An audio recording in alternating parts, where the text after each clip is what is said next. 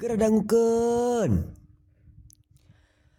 Rumangsamu aku podcast warga opo? Ya merga kengkok. Seluruh kota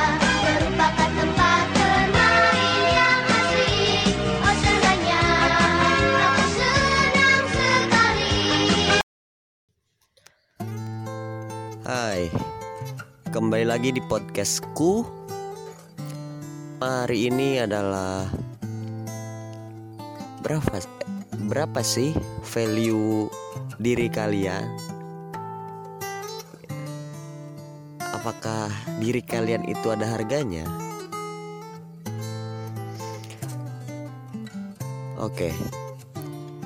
Sekarang Mungkin banyak dari kalian yang masih mengeluh tentang diri kalian sendiri. Walaupun masalah yang dihadapi tidak serumit yang semestinya. Banyak cara yang bisa kita lakukan dalam menyelesaikan setiap masalah itu. Sebenarnya, tapi kalian memperumit diri kalian dengan hanya diam saja, tidak mencari jalan keluarnya. Ketika diam saja, itu hanya akan memperbesar masalah itu sendiri. Banyak yang mengeluh, mengeluhkan dirinya ketika istilahnya patah hati karena cinta atau menghadapi sebuah kegagalan di mana sebenarnya hidup kalian itu tidak seseng, ses- serumit yang kalian duga gitu. Tapi hidup juga tidak sesederhana yang kalian pikirkan. Ada batas-batas yang yang sebenarnya bisa kalian lewati. Sekarang gini, umur kalian berapa? Nah, terus kalian pikirkan seberapa banyak sih nikmat yang kalian dapatkan. Hei, harus kalian ingat, bernafas juga adalah nikmat. Jadi cukup untuk apa ya? Untuk mengeluh gitu. Untuk menangisi se- sesuatu yang sebenarnya tidak serumit itu. Atau kalian harus melihat itu di sekeliling kalian kalian yang saat ini bisa menikmati apa yang tidak bisa dinikmati oleh orang lain. Bahkan tak sedikit yang siang hari harus puasa, malamnya hanya makan nasi dengan garam. Kalian harus lihat itu. Harus mengeluh untuk apa lagi gitu loh. Cukupkan diri untuk menangis ya se- se- setidaknya pelariannya jangan ke hal yang negatif. Banyak hal positif yang yang sebenarnya ketika kalian temukan oh ini bahagianya gitu. Misalkan kalian sedang resah atau dihadapkan dengan masalah Kalian mencari solusi dengan membaca buku, mendengarkan lagu, membuat, menulis, entah itu puisi atau lagu. Kalian mencoba menyanyikannya. Syukur-syukur jika suara kalian mampu gitu. Maksudnya suara kalian bagus. Itu jadi poin plus juga kan. Ya kalian harus mengerti bagaimana caranya hidup. Hidup itu hidup hanya ya hidup cuma sekali loh. Dan dan di satu kali itu kalian jangan yang jangan merasa bahwa diri kalian itu tidak berharga. Banyak dari kita yang setelah patah hati lalu mengurung diri tidak ingin kenal dengan orang lain ya menurut menurutku itu kesalahannya. Itu yang disebut memperbesar masalah.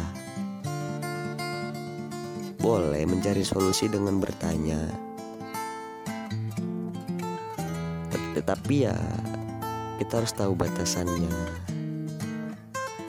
Kan gitu. Lagi pula hidup untuk apa sih gitu loh. Nikmatin aja. Nikmatinya bagaimana? Ya dengan dengan mensyukurinya dengan beribadah. Bila kalian bertuhan ada satu tulisan yang saya buat dari dulu. Mungkin ini akan membantu kalian dalam menangani setiap apa yang kalian keluh kesahkan gitu. simak baik-baik Tuhan menarik garis takdirmu di antara langkah kaki yang kamu tempuh. Di saat yang ada di pikirmu itu memang tepat, di lain hal ia membentuk sebuah alur di antara garis takdir orang lain. Jika memang sedang sulit ya sulit, tapi tak perlu menutup diri. Jika sedang naik, ya lihat sekelilingmu. Apakah itu serta-merta datang begitu saja padamu? Jelas tidak. Jika ukurannya kamu dengan Tuhan, lalu mau apa? Mengapa tak protes di empat bulan saat berada di rahim ibu ketika ingin mengeluh? Mustahil bukan? Maka dari itu tak perlu menutup diri Positif-positif sajalah Jika jadi hamba Tuhan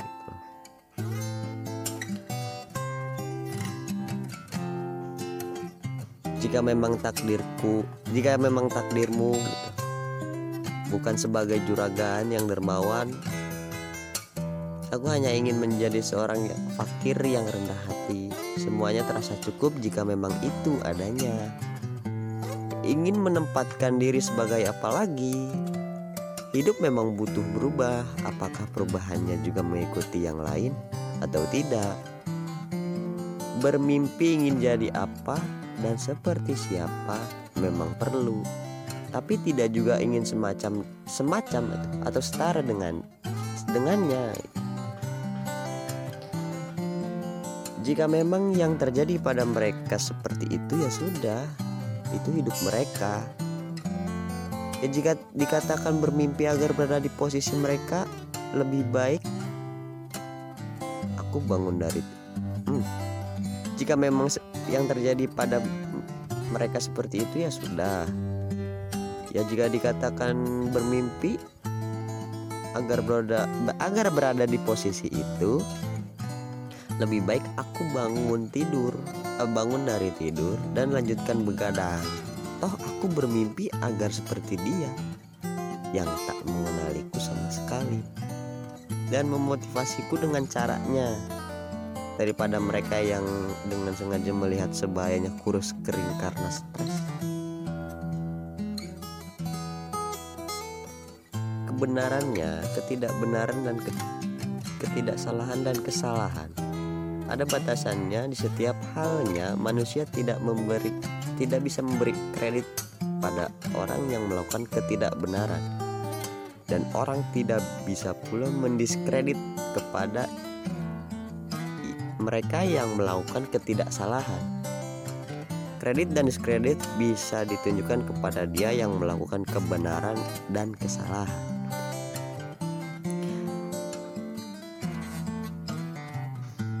Lambat laun siklus menentukan jalannya.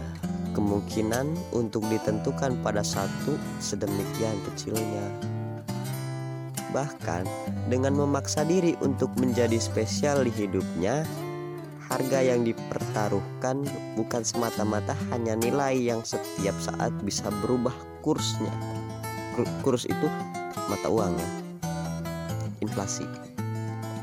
Seperti mata pedang, waktu akan mengikisnya dan semakin lama akan semakin karat bila tak menemukan jiwa yang tepat sebagai medium untuk mengasahnya.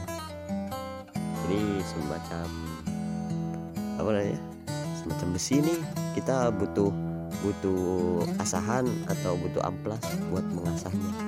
Semakin diamplas semakin tajam. Semakin eh, semakin dikembangkan semakin ya, jago gitu semakin pintar. Memilih dan membedakan sebagaimana prinsip dan perilaku jika temanmu yang satu satu dengan segala hal baik yang dilakukannya tanpa keraguan dia hanya berpikir bahwa semua orang memang begitu pada pada dasarnya. Tetapi malah menutup kemungkinan untuknya dan malah mencari orang lain yang menurutnya sepaham. Ya satu pikiran denganmu. Mau seperti apa pun perilakunya. Kadang ada gitu yang oh kita nih anak tongkrongan. Kita sama dia terus tiap hari. Nah ketika itu kamu berpikir bahwa oh hidupku harus sepertinya gitu. Nah itu yang salah. Kadang praktek nepotisme memainkan perannya dan merusak rantai makanan tanpa disadari. Maksudnya gini ketika anda men- mencari role model di kelompok anda nih kamu mencari role model di tongkronganmu. Tapi apakah dia juga respect sama besarnya seperti kamu respect padanya? Kan belum tahu. Atau bahkan jika ada suatu kasus nih ada masalah kamu dengan si A dan si B itu role model kamu. Ya kemungkinan dia si B juga akan membela si A. Bagaimana yang akan terjadi kamu juga yang sakit hati. Coba cari tolak ukur untuk pendirianmu sendiri. Jangan jangan mengandalkan orang lain. Kita bisa mencontoh dirinya yang baik boleh tapi jangan sama gitu.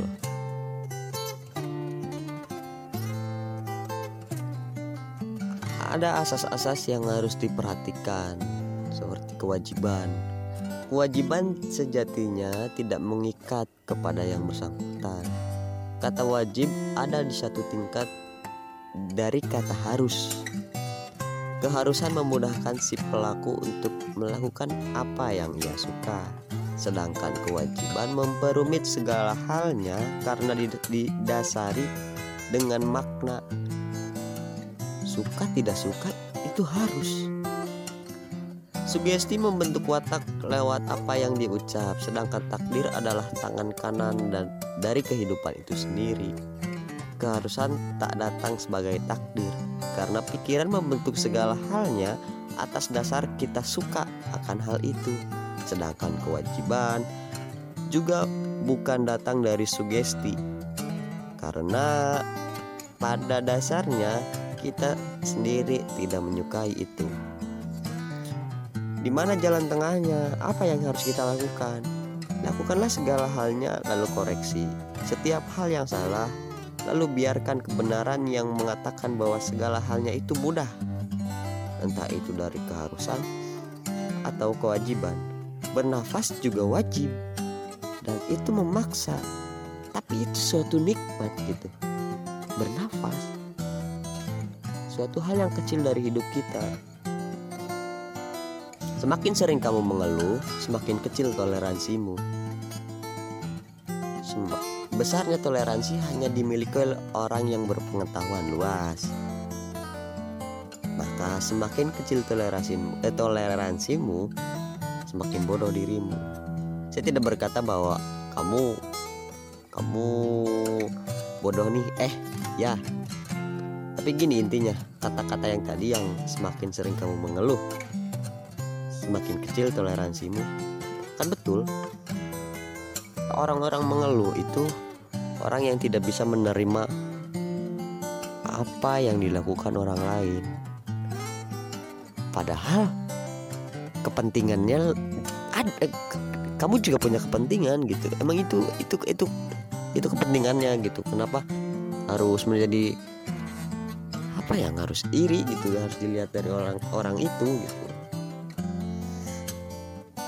Tidak dibenarkan juga kamu mengikat orang lain jika tidak atas seizinnya. Namun akan dibenarkan jika yang mengikat dan yang terikat itu setuju atas isi perjanjian dan konsekuensinya.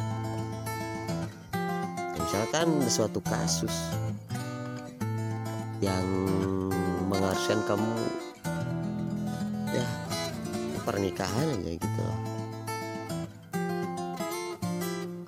Pasca pacaran kamu seperti yang uh ngebet nih pengen nikah.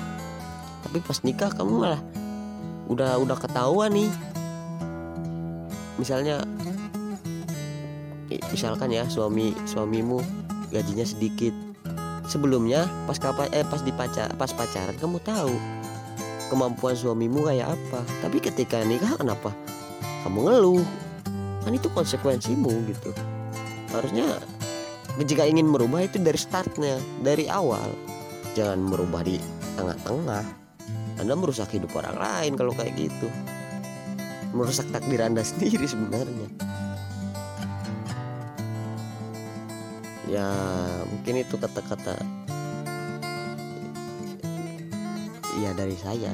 Itu tuh tulisan lama saya yang alhamdulillah lah bisa tersampaikan.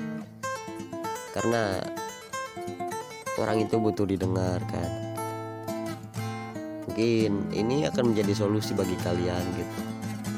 Bagaimana ke depannya dalam menyikapi apa yang kalian butuhkan. So hmm, ikuti saya gitu. Cek deskripsi ada twitter nanti sertakan IG ya. Mau apa gitu. Mau tanya atau apa silahkan sekian dari saya. Terima kasih